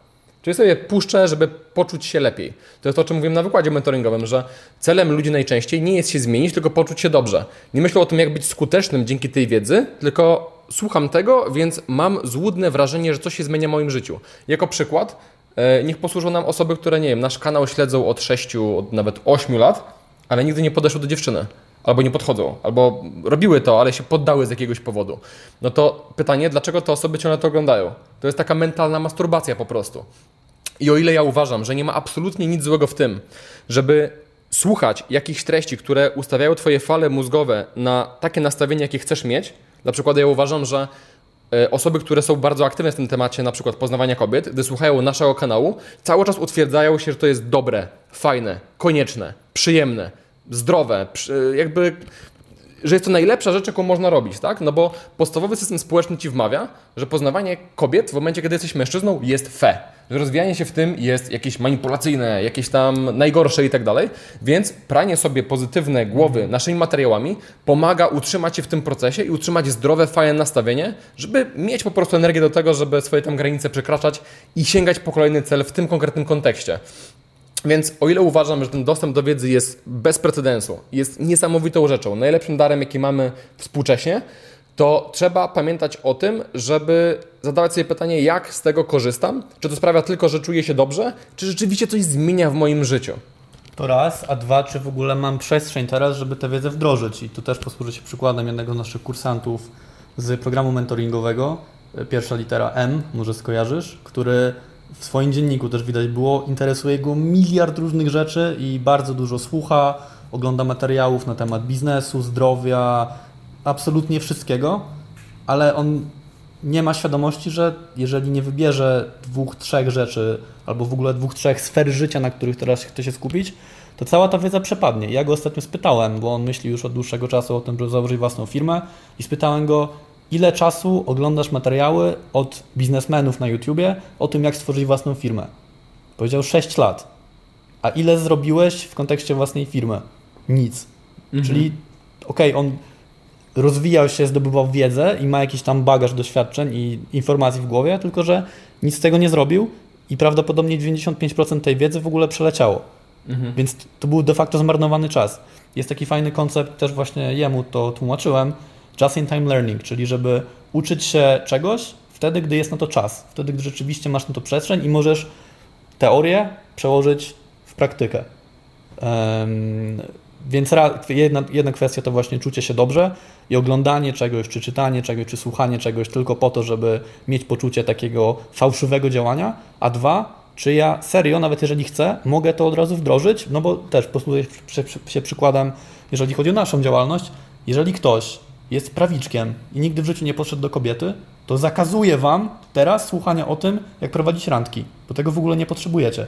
To jest śmieciowa wiedza, to jest absolutnie bezwartościowe z mojej perspektywy. Nawet jeżeli słuchacie to uważnie, zrobicie sobie notatki, to znacznie lepiej będzie pięć razy obejrzeć materiał o tym, jak podejść do dziewczyny i zrobić to po raz pierwszy w tym momencie, niż od, odsuwać się gdzieś daleko od tego i wychodzić głową, że o, kiedyś będę na randce, więc teraz posłucham o tym.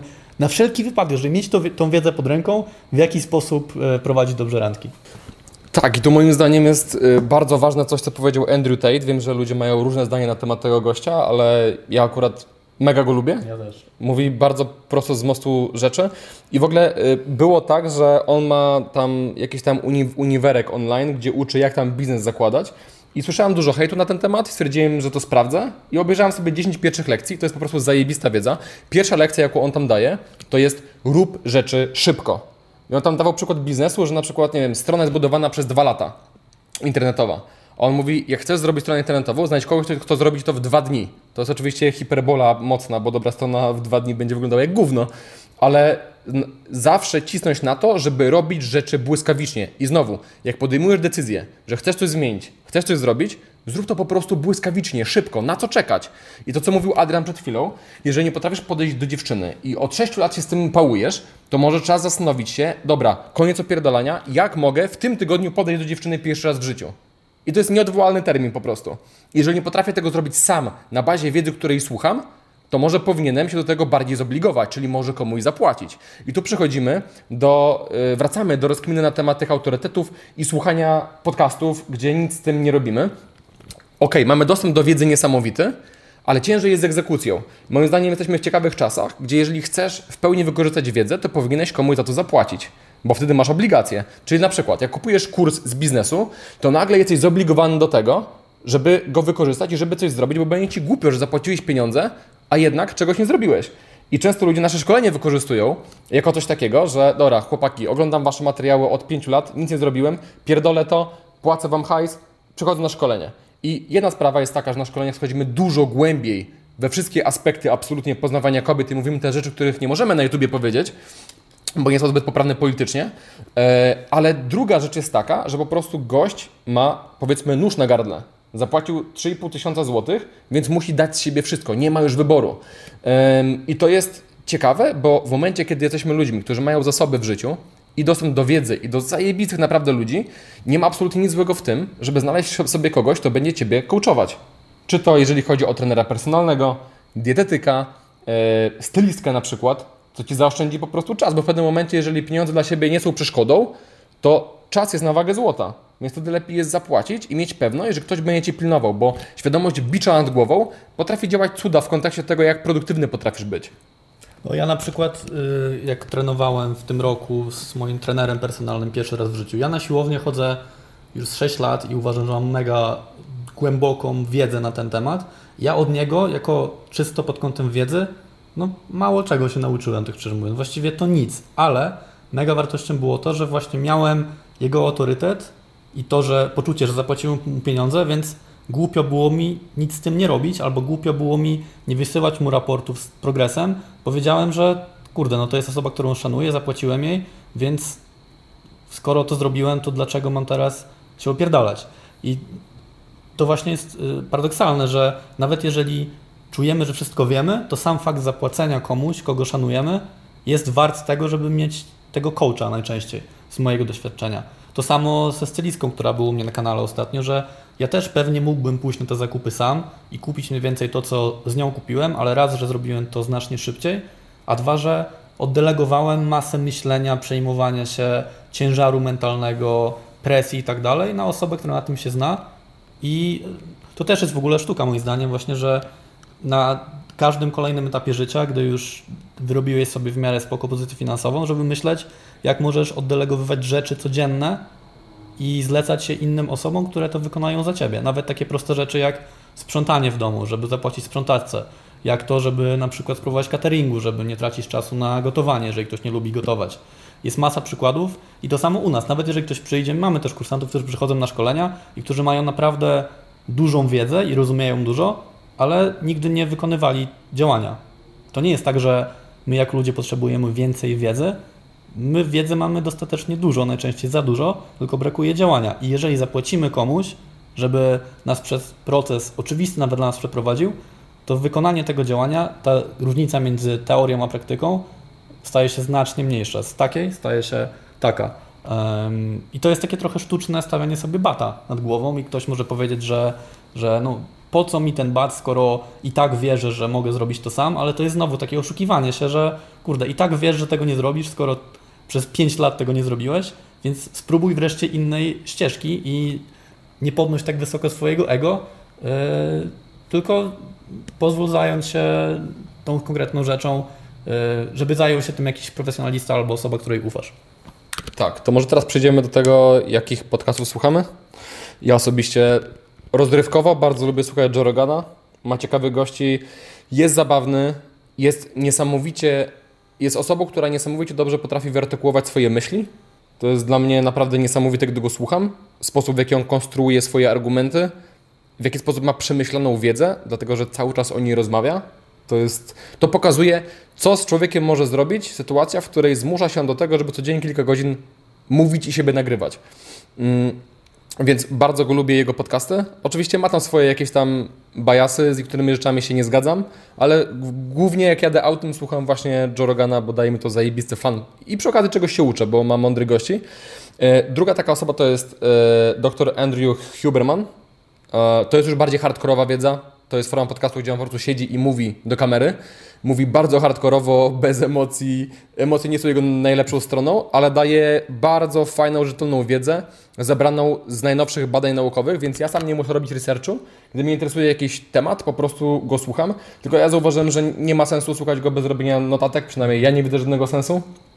E, dla zabawy słucham Joe Rogana, jak chcę czegoś się nauczyć, otwieram zeszyt i z postawu ucznia po prostu tak. słucham Hubermana. On ma takie podcasty, że nawet nie potrafi ich słuchać szybciej niż na 1 i 2. Za dużo tam treści jest. Tak, gdzie na przykład Rogana potrafi czasami nawet na 2.0 słuchać. Um, więc Huberman jest naprawdę zajebisty. Ostatnio przekonałem się też do podcastów gościa z Modern Wisdom, bo zaczął mieć po prostu autorytety, które ja szanuję. I z początku gościa nie lubiłem, ale zauważyłem, że ma ciekawe też sam spostrzeżenia na rzeczywistość potrafi dobrze słuchać i zadaje wnikliwe pytania, więc to też jest super. E, oczywiście Jordan Peterson w kontekście ogarnięcia swojej psychiki, w kontekście ogarnięcia emocji, w kontekście skontrowania tego, co się dzieje na świecie od strony ludzi po lewej stronie barykady e, i ułożenie sobie tego w głowie i też w kontekście tego, jak wziąć odpowiedzialność za swoje życie. E, bardzo dużo się nauczyłem od tego gościa. E, no i zostaje Lex Friedman, odnośnie którego mam bardzo mieszane uczucia, bo o ile jest turbo inteligentny, to ja go trafię, trafię głównie, gdy jest gościem Joe Rogana, bo wtedy Joe równoważy to, jaki on jest spięty i robotyczny. E, Natomiast samego Lexa słucham wtedy, kiedy ma naprawdę ciekawego gościa, ale wypowiedzi Lexa same często skipuję, bo są dla mnie zbyt nudne, nie dam rady go słuchać po prostu. Więc to są, to są moje e, propozycje, teraz możesz swoich powiedzieć.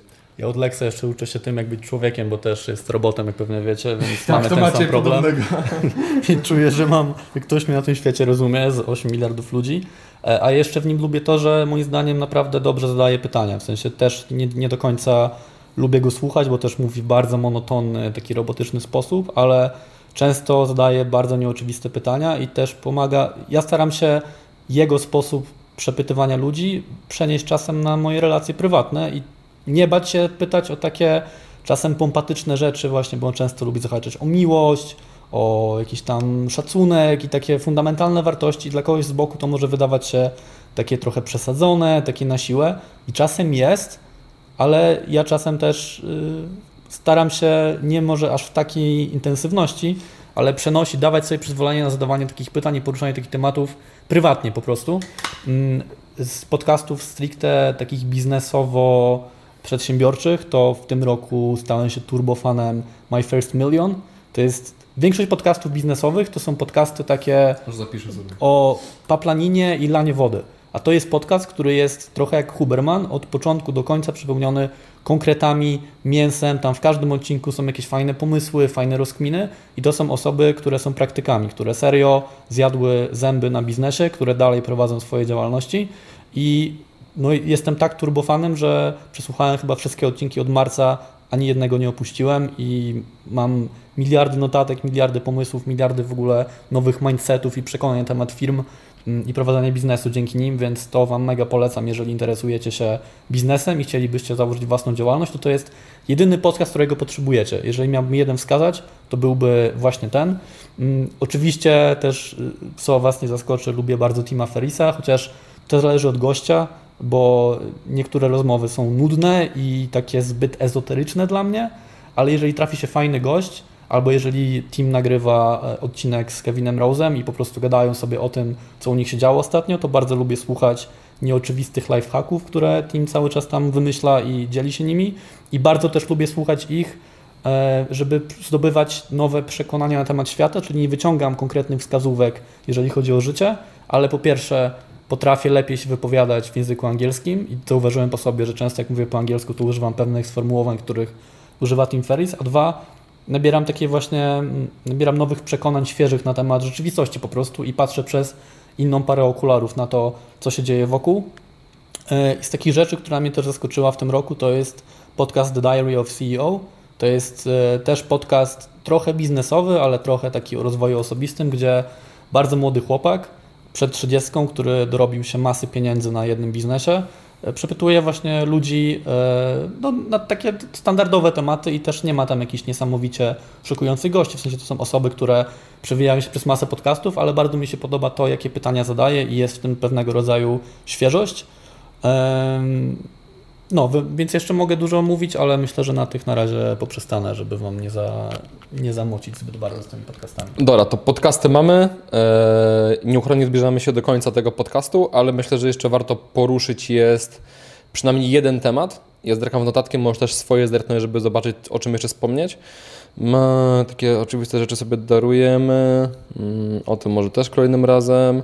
Zapisałem sobie te dwa podcasty, o których wspomniałeś, bo ich nie znam, więc może okażą się przydatne. O tym, co ja spisałem, nie chcę się za bardzo rozmawiać, więc pytanie, czy to masz jakąś rzecz Taka jeszcze obserwacja na temat rzeczywistości, że mm, ja uważam, uważałem siebie, dalej trochę niestety się uważam za taką bardzo poważną, często spiętą, często taką sztuczną, w sensie nie wyrażania emocji, ale pewnych zachowań osobę, która wychodzi z takiej wręcz wojskowej musztry. To też pewnie nie przypadek, bo moi rodzice są wojskowymi, e, ale coraz bardziej z tym walczę i jakby pozwalam sobie na więcej takiej lekkości i bycia takim dzieciakiem i robienia głupich rzeczy w moim życiu i zauważam, że strasznie dużo jest na świecie, nawet patrząc na miny przypadkowych ludzi w Warszawie, takiego spięcia, takiej powagi, że jak czasem patrzę na ludzi, to myślę, że oni czują jakby szli właśnie do jakiegoś, nie wiem, na jakiś sąd ostateczny przed Bogiem i że znacznie mi się lepiej żyje, gdy pozwalam sobie na to, żeby nie być aż tak właśnie poważnym,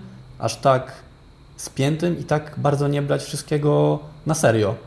E, nie wiem w sumie, gdzie z tą myślą idę, ale jestem ciekaw, czy też jakoś to zauważasz. Znaczy, moim zdaniem to wszystko rozbija się o, te, o ten pomysł, że ludzie uważają, że życie musi być ciężkie i że muszą zapierdalać po to, żeby kiedyś w nieokreślonej przyszłości mieć wreszcie ten spokój, mieć wreszcie sytuację, w której będą szczęśliwi. I ci ludzie nie rozumieją, że życie jest teraz. W tym momencie przecieka między palcami i jeżeli teraz twoje życie nie jest takie w kontekście emocjonalnym, jakie byś chciał, nie jest tak lekkie, tak fajne, tak przyjemne, to nie łudź się, że za 10 lat będzie inaczej. Nie łudź się, że to się zmieni magicznie. Nie zmieni się, jeżeli ty w tym momencie nie zmienisz rzeczy, które stanowią hardware po prostu twojego życia. Stanowią fundament, z którego twoje samopoczucie wychodzi. I to jest ta rozkmina, którą ty mówiłeś kiedyś, że pomyślałeś, żeby zamiast manipulować tym, żeby nie czuć się źle emocjonalnie, żeby walczyć z, żeby żeby dawać odpowiedź na to, że na przykład czujesz się źle emocjonalnie i jak to naprawić, tak? To lepiej zamiast tego skupić na tym, co sprawia, że czujesz się źle i wyeliminować te rzeczy z życia, które sprawiają, że czujesz się niedobrze. Więc fajnie jest, jeżeli ktoś nie jest zadowolony ze swojego życia, z tym, ile jest w nim przyjemności, radości, uśmiechu, fajnie, żeby taka osoba usiadła i zapytała siebie, które rzeczy z mojego życia, które robię każdego dnia, tą przyjemność mi skutecznie odbierają, zabijają. To może będzie praca, którą trzeba zmienić. Bo ludzie często mówią, e, łatwo ci mówić, bo masz swój biznes. No dobra, ale kiedyś też pracowałem na etacie, z którego mnie wyrzucili. Później pracowałem na drugim etacie, z którego mnie wyrzucili. Później pracowałem na trzecim etacie e, w firmie Intrum Justitia. Na tą firmę mówiłem e, Intrum Birkenau, dlatego że po prostu tam był taki zapierdol i takie wykorzystywanie ludzi. I ja sobie zadałem pytanie, rozejrzałem się w biurze i pomyślałem, dobra, widzę tutaj ludzi, którzy są po 40 i którzy pra pracują tutaj 15 lat. I przeraziło mnie to, że kiedyś ja mogę być taką osobą. Ja w tamtym momencie życia nie byłem lekki w środku, nie byłem radosny, uśmiechnięty. Ja i miałem takie głębokie poczucie, że nie pasuję do, te, do tego typu pracy. I znowu mnie wyrzucili, bo znowu nie byłem niesubordynowany, nie słuchałem się poleceń. W wolnym czasie pisałem jakieś kreatywne rzeczy, zamiast wykonywać jakiś tam proces słuchy, który dla mnie był kompletnie z dupy. I włożyłem starania i poświęciłem moje lata 20 na to, żeby zrobić coś innego. Zadałem sobie pytanie, jak chciałbym, żeby moje życie wyglądało i następnie zacząłem podążać w tym, w tym konkretnym aspekcie. I mimo, że nie było łatwo, nie było na początku w ogóle pieniędzy, trochę przymierałem głodem, ledwo do pierwszego starczało, nie potrafimy się odnaleźć w nowej rzeczywistości, gdzie mieszkam w innym mieście, ledwo potrafię się utrzymać, to ja nie miałem jakby jakiejś głębokiej depresji z tego powodu, bo ja wiedziałem, że ja podążam za moim marzeniem. I mimo, że wtedy nie miałem idealnego życia, to byłem często uśmiechnięty. Często miałem w sobie lekkość, mimo tego, że było ciężko, dlatego że ja wiedziałem, że ja idę po swoje marzenie. Więc nawet nie chodzi o to, żebyś ty już teraz miał wymarzoną pracę albo sposób zarabiania pieniędzy, który cię odciąży, tylko żebyś wiedział, że wykonujesz proaktywnie jakieś kroki, żeby tam dotrzeć. Żebyś wiedział, że już proces przemiany następuje i teraz wystarczy tylko robić dalej to, co robisz. Bo często ludzie mają tak, że nie wiem, idą na siłownię, i cały czas się połują, nie jestem jeszcze chudy, nie jestem jeszcze chudy, nie jestem jeszcze chudy. Ja mam inne nastawienie. W momencie, kiedy ja wchodzę na siłownię, to ja przestaję i podejmuję decyzję, dobra, będę chodzić na siłownię trzy razy w tygodniu, to w ogóle już przestaję się przejmować tym, że na przykład nie mam idealnej sylwetki. Bo ja wiem, że już proces rozpocząłem, dobra, mogę już w ogóle o tym nie myśleć, mnie to w ogóle nie obciąża, bo jestem człowiekiem, który musi wiedzieć, że dzieje się już jakiś proces, który zmieni moje życie na lepsze i wtedy czuję się dobrze. Mam wtedy miejsce na lekkość w życiu, tak? Więc jeżeli masz pracę, której nienawidzisz, to nie jest tak, że jesteś jej więźniem, możesz ją zmienić i nie musisz tego robić od razu. Ej, łatwo ci mówić? Nie, to nie jest tak, że łatwo mi mówić. Ja wiem, że to jest trudne, ale chodzi o to, że możesz robić plan, nigdzie się nie śpieszysz. Y, wbrew pozorom masz sporo czasu w życiu. Często mówi się, że życie ucieka, żeby zwrócić uwagę na to, jak ważne są momenty i tak dalej, ale w gruncie rzeczy czasu jest sporo. Szczególnie jeżeli jesteś w swoich latach dwudziestych. Czasu jest sporo. Masz czas. Y, zaplanuj. Nie rób niczego pochopnie. Po prostu nakreśl sobie wizję, gdzie chciałbyś być i co musi się wydarzyć, a następnie powoli, małymi kroczkami po prostu działaj. Dokonywaj tej zmiany swojej. I zastanów się w gruncie rzeczy właśnie, z czego wynika, że nie czujesz się dobrze w swoim życiu, to może właśnie być praca, twoje relacje z ludźmi, twój poziom zdrowia i tak dalej. I następnie rozsupłaj te rzeczy. Zastanów się, jak możesz je zmienić, żeby właśnie pojawiła się ta lekkość i żebyś czuł się bardzo komfortowo w swojej skórze. I podejrzewam, że jak rzuciłeś tą trzecią pracę, to obiektywnie twoje życie w momencie, gdy jeszcze tam byłeś, wyglądało lepiej niż na początku, gdy ją rzuciłeś, nie? Pewnie miałeś mniej pieniędzy, pewnie byłeś mniej zestresowany i tak dalej, więc obiektywnie nie miałeś powodu, żeby czuć się lekko i szczęśliwie, ale wiedziałeś, że to jest początek pewnej drogi, więc byłeś w stanie spojrzeć na swoje życie z perspektywy i myśleć nie tylko o tym, co jest dzisiaj, ale jeżeli będę wykonywał to działanie, które wykonuję dzisiaj przez kolejne 10 lat, Tam nie to czy dojdę do jakiegoś miejsca, w którym chcę być, czy dalej będę w miejscu. To jest turbo rzadkie i też mega szacun, że to zauważyłeś tak wcześnie, byłeś w stanie ten typowy tok myślenia przerwać.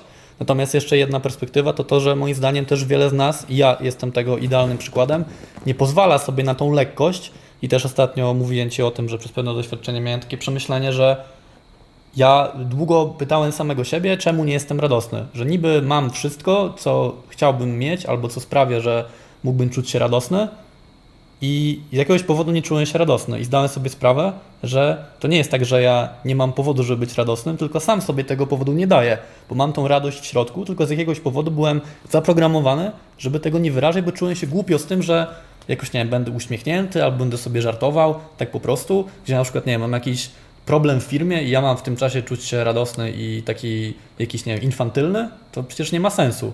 A jak gdy sobie zdałem sprawę, że to wszystko we mnie siedzi, wystarczy to wyrażę, to dało mi mega takie poczucie, że kurde, mogę czuć się dobrze właściwie w każdej chwili.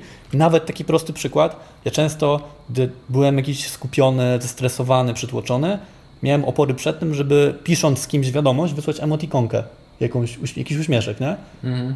I często łapałem się na tym, że piszę z kimś, wiesz, ta osoba jest mega pozytywna, ja bym też chciał coś miłego dać i nawet jakiś, wiesz, uśmieszek, serduszko, ale czułem taki opór, że nie no, nie wypada, bo jestem teraz w trybie pracy, jestem poważnym człowiekiem, więc tego nie wyślę. A gdy zacząłem się łapać na tym i dawać sobie przyzwolenie, żeby te emotikonki wysyłać, nagle okazało się, że kurde, może nie mam powodu, żeby to zrobić, ale zrobiłem to i czuję się lepiej. I to jest win dla tej osoby i dla mnie. Ja wiem o co chodzi, to jest przerażające, ale właśnie jak ludzie dążymy do zachowania obecnego stanu, więc jeżeli jestem smutny, przebity, ale nie wiem, pojawiają się moi przyjaciele, którzy są roześmiani, to mi się na początku jestem taki nastabruczony i nie chce tak, mi się w to tak, wejść. Tak, tak, tak, Czuję opór psychiczny, bo przecież ja jestem skrzywdzony dzisiaj, coś mi dziś nie wyszło i też chciałbym, żeby może inni to zobaczyli, no. to moją krzywdę i jakoś mnie zapytali, poświęcili mi jakąś uwagę i tak dalej. I zauważam nawet czasami, że nie wiem, ktoś mówi żart, a ja specjalnie staram się nie uśmiechnąć. Że mimo, że wiem, że uśmiech by mnie uwolnił, to jednak bardziej komfortowo jest być w tej mojej osobowości teraz, która jest, nie wiem, smutna, czy tam spięta przez jakąś sytuację, która się wydarzyła. Więc yy, znowu kontrola myślenia i umiejętność przerywania obecnego stanu wykonanie działania z innego stanu, który wykolei twój stan emocjonalny i sprawi, że nagle zaczniesz właśnie się uśmiechać, być beztroski. To może być nawet tak głupie, jak wysłanie emotikonki. No. Tak jak mówisz, bo to brzmi śmiesznie, nie? Dla kogoś z boku, emotikonki, o czym oni pierdolą, ale tu chodzi o to, żeby zrobić coś, co jest poza Twoją strefą komfortu w kontekście emocjonalnym w tym momencie i to jest Twoja ucieczka z tego stanu, który Ci się nie podoba. No to jest dokładnie tak, jak mówiłem chyba nawet kiedyś na podcaście, że jednym z takich momentów z mojego życia, który najbardziej pamiętam do dzisiaj, który jest najbardziej banalny, to jak miałem 19 lat, pracowałem w Anglii w hotelu jako sprzątacz i sprzątałem akurat po 10-godzinnej zmianie już na koniec. Korytarz jakiś, nie? I byłem totalnie przybity, wtedy to jeszcze był okres, kiedy Mój brat chorował na raka i po prostu każdy dzień był katorgą i czułem się jak karaluch. I pewnego dnia, to był chyba trzeci miesiąc tej pracy, właśnie kończę moją zmianę, jeszcze sprzątam jakąś tam część korytarza i podchodzi do mnie gość, pierwszy raz w ogóle od trzech miesięcy gość hotelu do mnie podchodzi i mówi, że uśmiecha się do mnie i mówi dziękuję za Twoją pracę. Powiedział dosłownie parę słów, wow. jeden uśmiech i ja do dzisiaj, jak sobie o tym myślę, to jestem po prostu w niebo wzięty, że jego ten gest nic nie kosztował, tak samo jak mnie nie kosztuje wysłanie jednej emotikonki, a miał na mnie tak ogromny wpływ i ja i wtedy poczułem się znacznie lepiej i do dzisiaj myślę sobie, wow, ale to zajebiste, że tak prostą rzeczą można tak komuś poprawić dzień i taki efekt motyla wytworzyć trochę, nie? E, I to mnie właśnie zawsze inspiruje, że skoro ja się wtedy tak poczułem, byłem po tej stronie odbierającej, to czemu mam tego nie dawać z siebie? Nawet jeżeli nie czuję, że to mam, nawet się zmusić, żeby tą dobrą energię przesłać, tak po prostu. I to jest to, o czym mówiłem na wykładzie mentoringowym, że jako ludzie nie mówimy innym ludziom miłych rzeczy. Jakby mamy opór. Nie wiem, nasz przyjaciel coś fajnego zrobił, nie mówimy stary, ale to ogarnąłeś zajebiście, jestem pod wrażeniem. albo nie wiem, y, jakiś sukces osiągnęła jakaś bliska ci osoba i też nie powiesz dobrego słowa. Albo nie wiem, ktoś zaczął lepiej się ubierać. Zauważyłeś, że ktoś y, widać jakieś rzeczy w kontekście ciała, że na siłownię zaczął chodzić, jakieś efekty się pojawiają. Więc jakby to nic nie kosztuje, a można jakby komuś uratować zdrowie psychiczne. No. Bo zobacz, że byłeś załamany, że robisz tą pracę, która jest ciężka, fizyczna, wymagająca. Ludzie cię nie szanują. Sam siebie nie szanujesz, bo masz wyższe ambicje niż sprzątanie hotelu. A ktoś powiedział dzięki za twoją pracę. Wszystko to zmieniło. No to też polecam Wam już tak na koniec taki lifehack, żebyście, jak jesteście na przykład w toalecie w galerii handlowej i zobaczycie panią sprzątaczkę, powiedziecie jej dziękuję za pani pracę i zobaczcie jak Wy się poczujecie i jak ona się poczuje. Ja to robię często i jestem zszokowany, jak bardzo w ogóle zbita z pantyłyku jest ta pani często i jak ja się fajnie czuję, mimo że czuję taki opór wewnętrzny przed tym, jak to powiem, że nie, no to dziwne będę do sprzątaczki się odzywał, po co? Ale jak to powiem, to czuję taką lekkość, jakby taki motyl we, ze mnie aż wyleciał i rozszerzył po prostu taką smugę dobra i ona jest tak dziękuję, dziękuję. I ja wiem, bo byłem dokładnie w jej miejscu, w tej pozycji sprzątaczki, jak dużo to może dać. Więc nawet jeżeli 10 osób po obejrzeniu tego materiału zrobi sobie teraz praktykę, żeby starać się mówić sprzątaczce albo kelnerowi w restauracji albo pani w żabce coś miłego, to świat stanie się lepszy. No tak, bo zobacz, że to jedna osoba do ciebie zrobiła. Ile lat temu? 10? Nie. 8. 8? A ty do dziś to robisz. No. Jakby fajne.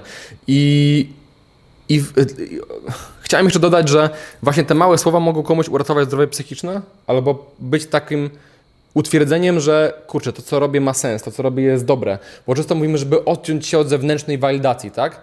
Ale mówimy o tym w kontekście niebycia chorągiewką. I mówimy o tym w kontekście na przykład, żeby nie bolało cię odrzucenie ze strony kobiety, żebyś wiedział, że bardziej liczy się to, że w ogóle wykonałeś działanie, docenił siebie za ten trud. I moim zdaniem taka walidacja od bliskich ci osób, które szanujesz, które cię dobrze znają, jest na wagę złota, bo to są ludzie jednak, z którymi, z który, który, których zdanie ma dla ciebie duże znaczenie. Którzy cię rozumieją też. Którzy cię rozumieją, tak. Więc taka osoba mówi ci coś miłego, to wiesz, że to najczęściej jest dlatego, że rzeczywiście ta osoba to zauważyła i to jest dla ciebie paliwo napędowe, żeby być jeszcze lepszym, fajniejszym. Więc pamiętajmy o tym i chyba tym pozytywnym akcentem zakończymy ten podcast. Więc dzięki Ci za czas, dzięki, że udało się to nagrać. A jeżeli macie jakieś pytania do nas albo jakieś tematy, które chcielibyście, żebyśmy poruszyli w kolejnym podcaście, to piszcie śmiało w komentarzach. I co? Do usłyszenia. I pamiętajcie o pod- podmywaniu tyłka zawsze, jak zrobicie kupę. Tak. Na razie, trzymajcie się, pupa. Jeśli ten materiał Ci się podobał, jeżeli ogólnie lubisz treści, które dla Ciebie tworzymy, jeżeli wnoszą one jakąś wartość do Twojego życia, to koniecznie zaobserwuj i oceń nas w aplikacji do podcastów, której używasz. Dzięki temu będziemy mogli docierać do nowych osób i pomagać kolejnym facetom. Dzięki.